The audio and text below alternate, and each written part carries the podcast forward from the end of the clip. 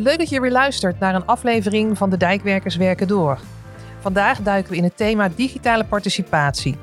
Ik ben Miranda Mens, communicatieadviseur bij het Hoogwaterbeschermingsprogramma.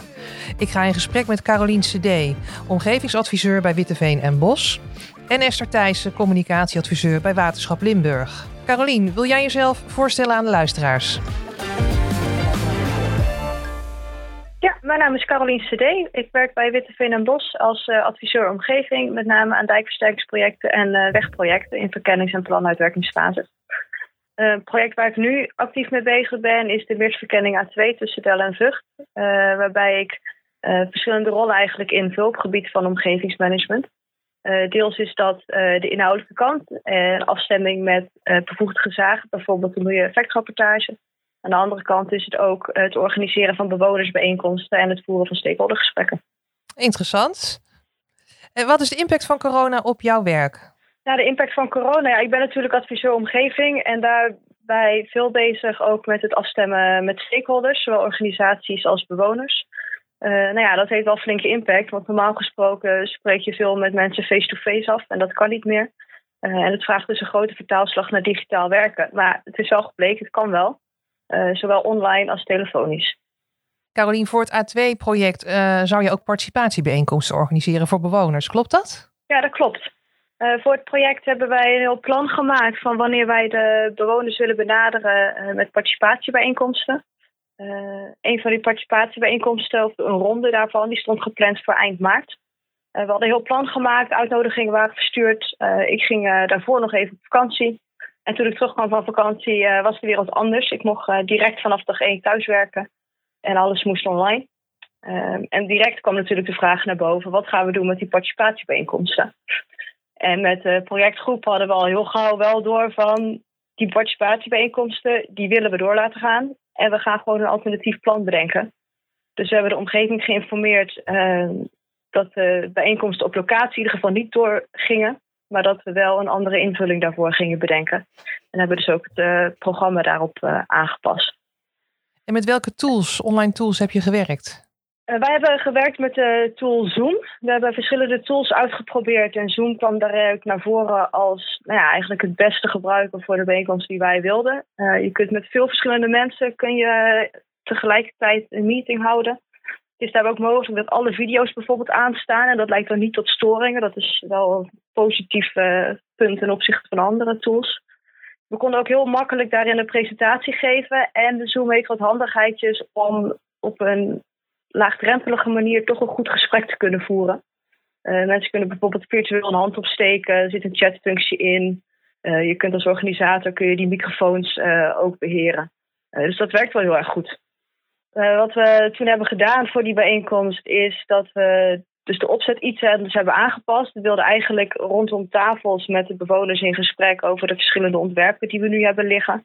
Uh, maar dat, dat ging eigenlijk niet op. We hadden nog niet op zo'n korte termijn kunnen bedenken hoe we dat goed kunnen doen.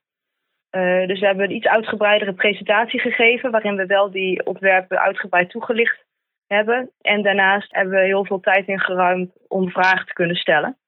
Dus bewoners die konden hun hand opsteken. Uh, degene die dan achter de, de, knoppen zit bij ons, een soort van uh, technisch manager van de bijeenkomst, zeg maar. Die kon dan uh, zien wie een hand opstak en het woord geven. En zo als een soort van moderator het gesprek voeren ook. Met mensen die de vragen konden beantwoorden. Ja, ja, en hoeveel vragen zijn er gesteld? Want je had wel je veel deelnemers, geloof ik, hè, aan de bijeenkomsten. Ja, uh, we hebben vijf bijeenkomsten georganiseerd. Uh, voor bestuurders, voor statenleden, uh, voor maatschappelijke adviesgroepen en ook voor bewoners en bedrijven. En bijvoorbeeld bij die bewoners en bedrijven hadden we in totaal 200 deelnemers. Dus dat is ongeveer 50 per bijeenkomst die we hadden. En we hadden daarin een vragenronde van ongeveer een half uur. Nou, die is, was gewoon echt wel vol. wat je wel merkte is dat mensen minder vragen stellen dan tijdens een bijeenkomst waarin ze je face-to-face uh, kunnen spreken. Uh, ook omdat ze ja, soms wat persoonlijkere vragen stellen of denken van ja, dit onderwerp vind ik wel interessant. Maar ja, hoe interessant vinden die andere mensen in deze bijeenkomst het nu? Want bij zo'n online bijeenkomst als wij hadden, uh, luistert wel iedereen mee en moet iedereen luisteren naar alle vragen en alle antwoorden. Hey, de volgende online bijeenkomst staat al in de planning, vertelde je. Ja, dat klopt. In mei hebben we een volgende ronde bijeenkomsten gepland zijn. Dat gaat dan over het meedenken over wat het voorkeursalternatief nu moet zijn bij uh, de A2. Uh, we willen daar ook in groepen uiteen gaan. Dat hebben we nu niet gedaan in maart, maar willen we in mei wel. zodat we beter in kunnen zoomen op de verschillende locaties langs het traject. En bewoner die in Waardenburg woont, die heeft niet zoveel interesse in wat er rondom de ring Den Bosch gebeurt. En andersom. Dat hebben ze ook meegegeven aan het eind van die bijeenkomst in maart. Dus daar willen we nu ook wel echt rekening mee gaan houden. En wat daarnaast ook het voordeel is, dat je in een kleinere groep zit. En uh, dat gaat waarschijnlijk ook wel leiden tot een beter gesprek. Dat mensen zich minder bezwaard voelen om toch uh, hele locatiespecifieke vragen te stellen. En ja. uh, ook meer ruimte voelen om hun vragen te kunnen stellen. Ja, precies. Carolien, wat heb jij zelf geleerd tijdens deze online sessies? Nou, dat het eigenlijk wel heel goed werkt zo'n online bijeenkomst. Die benadert uh, of je bereikt heel veel mensen. Uh, het is ook een andere doelgroep die je bereikt. Uh, de mensen zijn gemiddeld toch jonger. Ook de mensen, de ouders van jonge gezinnen die normaal gesproken druk zijn met sociale activiteiten, sportclubs en dergelijke, die schakelen nu ook in. want iedereen kan gewoon vanaf zijn huiskamer of studeerkamer thuis gewoon inloggen. Er is geen reistijd die nodig is. Uh, wat heel belangrijk is, is dat er iemand is tijdens de bijeenkomst die zich echt focust op eigenlijk de, de technische achterkant van de bijeenkomst. Hè. Dus in de gaten houdt wie heeft er een vraag, uh, staan de microfoons aan of uit. Uh, nou ja, echt heen en weer schakelt tussen deelnemers en organisatie. ja, goede host heb je nodig. Ja, eigenlijk een goede host die niet, niet deel te, hoeft te nemen aan het gesprek, maar wel ervoor zorgt dat alles soepel verloopt. En wat ik ook al geleerd heb, is dat je goed aandacht moet hebben om nou echt een gesprek te voeren. He, dus steek liever een hand op in plaats van dat je een vraag stelt in de chat. Want dan kun je je vraag gewoon iets beter toelichten en iets meer de context eromheen vertellen. In de chat is het een beetje droog, zeker als iemand anders hem dan ook nog eens voorleest. Ja, precies. Als straks corona achter de rug is, wil je dan dit online werken erin houden? Ja, uh, online werken bevalt me goed. Ook zeker wel met uh, bijeenkomsten zoals we ze nu georganiseerd hebben. Zeker ook omdat je ziet dat je ook een andere doelgroep bereikt, die normaal gesproken niet naar de fysieke bijeenkomsten komt. Maar ik zie het ook wel in combinatie met zeg maar, de standaardwerkwijze, dus dat je wel op locatie afspreekt. Omdat je online is één op één interactie wel wat lastiger. En je wilt iedereen toch de gelegenheid geven om in gesprek te gaan. Uh, en dat kan fysiek heel goed, dat kan online heel goed. Uh, alleen moet je wel heel erg actief die mogelijkheid bieden. Ja, precies. Hey, heb je nog uh, ter afsluiting nog uh, tips voor de luisteraars? Um, ja, ik heb wel een aantal tips op basis van mijn eigen ervaringen. Nou ja, één is eigenlijk dat je goed moet communiceren naar de buitenwereld wanneer de bijeenkomst plaatsvindt en hoe ze kunnen aansluiten. We hebben bijvoorbeeld advertenties geplaatst in kranten en daarnaast ook onze projectwebsite gebruikt om aan te geven uh, hoe ze bij de bijeenkomst kunnen aansluiten. Simpelweg eigenlijk door een link via die website. Wat bij ons ook gedaan is, is we hebben een combinatie van een bijeenkomst en een interactieve website. Dus tijdens die bijeenkomst kunnen mensen echt hun vragen stellen. Maar via die interactieve website kunnen mensen zich en al voorbereiden, inhoudelijk gezien, op wat er in die bijeenkomst uh, besproken gaat worden. Maar ook achteraf uh, nog eens een keer alles rustig nalezen en dan ook nog meedenken en reageren. Volgens mij is dat wel een hele krachtige combinatie. Het geeft ook meer flexibiliteit, digitaal werken. je kunt ook op ieder moment terugkijken wat je het beste uitkomt. Eigenlijk een beetje aansluitend op wat ik net zei. Uh, als omgevingsmanager moet je ook wel echt proactief zijn. Zeker in de wereld corona, waarin heel veel dingen nu stilstaan, is de verwachting toch ook wel dat zo'n project dan misschien stil gaat staan. Terwijl dat helemaal niet het geval is. dus je moet nog meer uh, actie ondernemen om zichtbaar te zijn. Uh, en ook de bewoners of ja, deelnemers aan zo'n bijeenkomst de gelegenheid geven om na de bijeenkomst contact op te nemen, omdat er toch ook echt behoefte is voor een één op één gesprek. Oké. Okay. En verder eigenlijk vooral, hè, uh, het kan, het digitale contact. Volgens mij uh, hebben wij een mooie proef gedaan met de A2 die succesvol is verlopen. Er zijn voldoende middelen. En volgens mij is de huidige situatie waarin we leven echt de perfecte gelegenheid om die stap te zetten en die drempel over te gaan. Uh, en de omgeving, uh, die waardeert het ontzettend. Oké. Okay. Carolien, uh, hartelijk dank voor jouw verhaal en succes. Ja, dankjewel.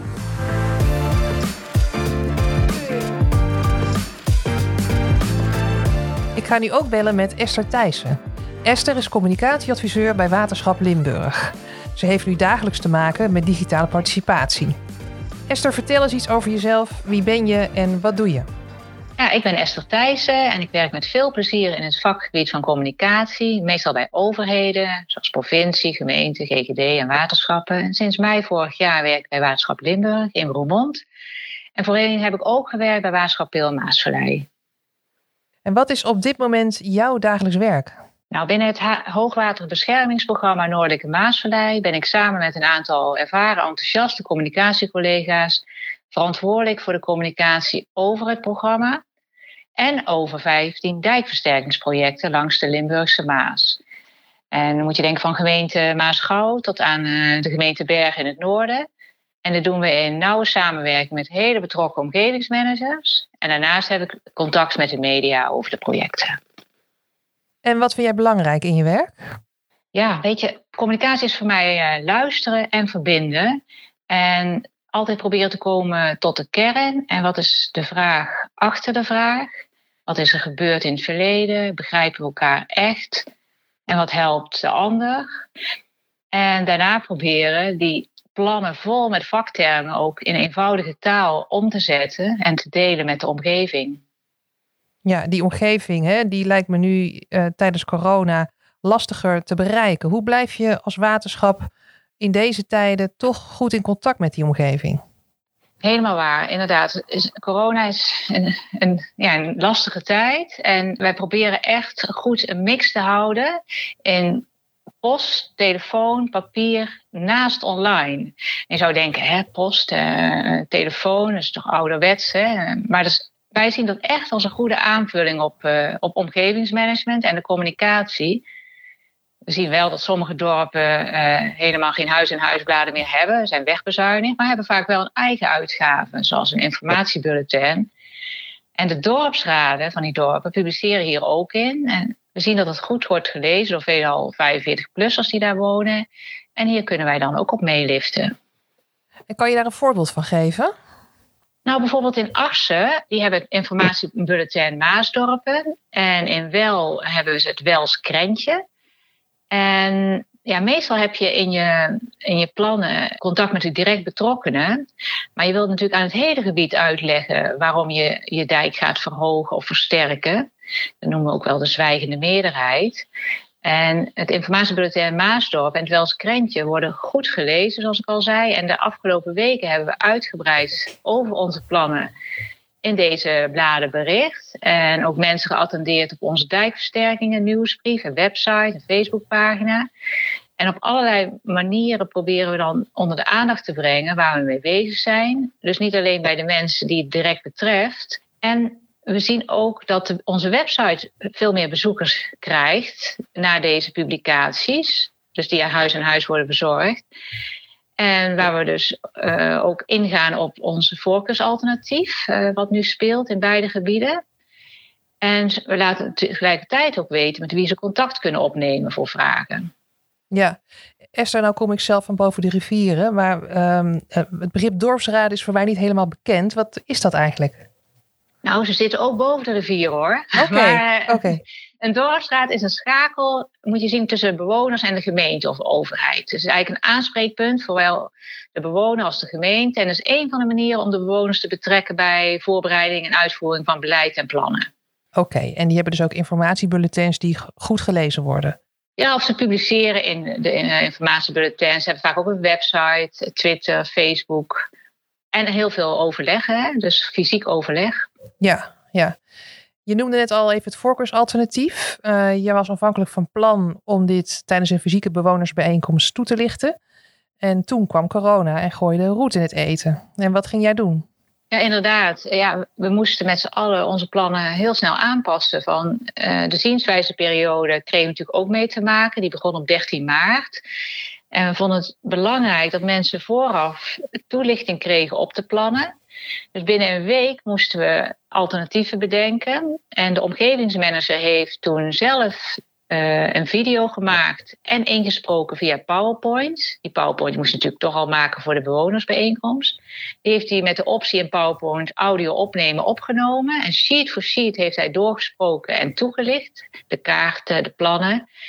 En op de website en YouTube uh, hebben we dit gezet en aangekondigd in, in weer die huis- en huisbladen waar we het net over hadden en de lokale media.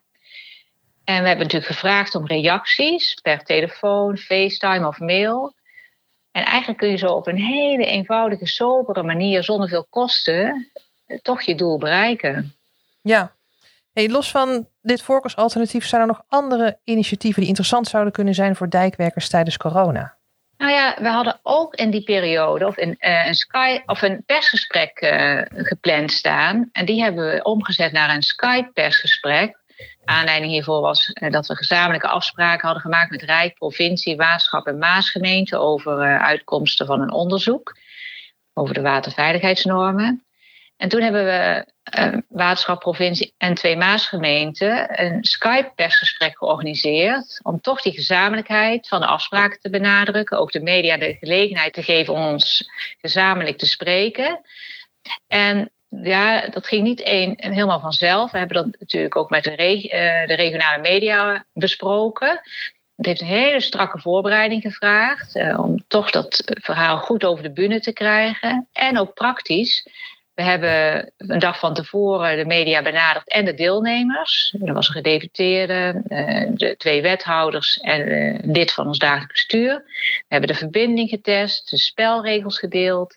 We hadden ook een moderator tijdens het gesprek. En het gesprek hebben we ook met audio en video opgenomen. Zodat de vier, uh, de vier media die eraan deelnamen ook na afloop dit konden gebruiken voor hun verhaal. Oké, dat klinkt als een heel mooi, mooi voorbeeld met goed resultaat. Uh, in hoeverre hebben jullie op deze nieuwe online manier heel veel mensen kunnen bereiken in het gebied?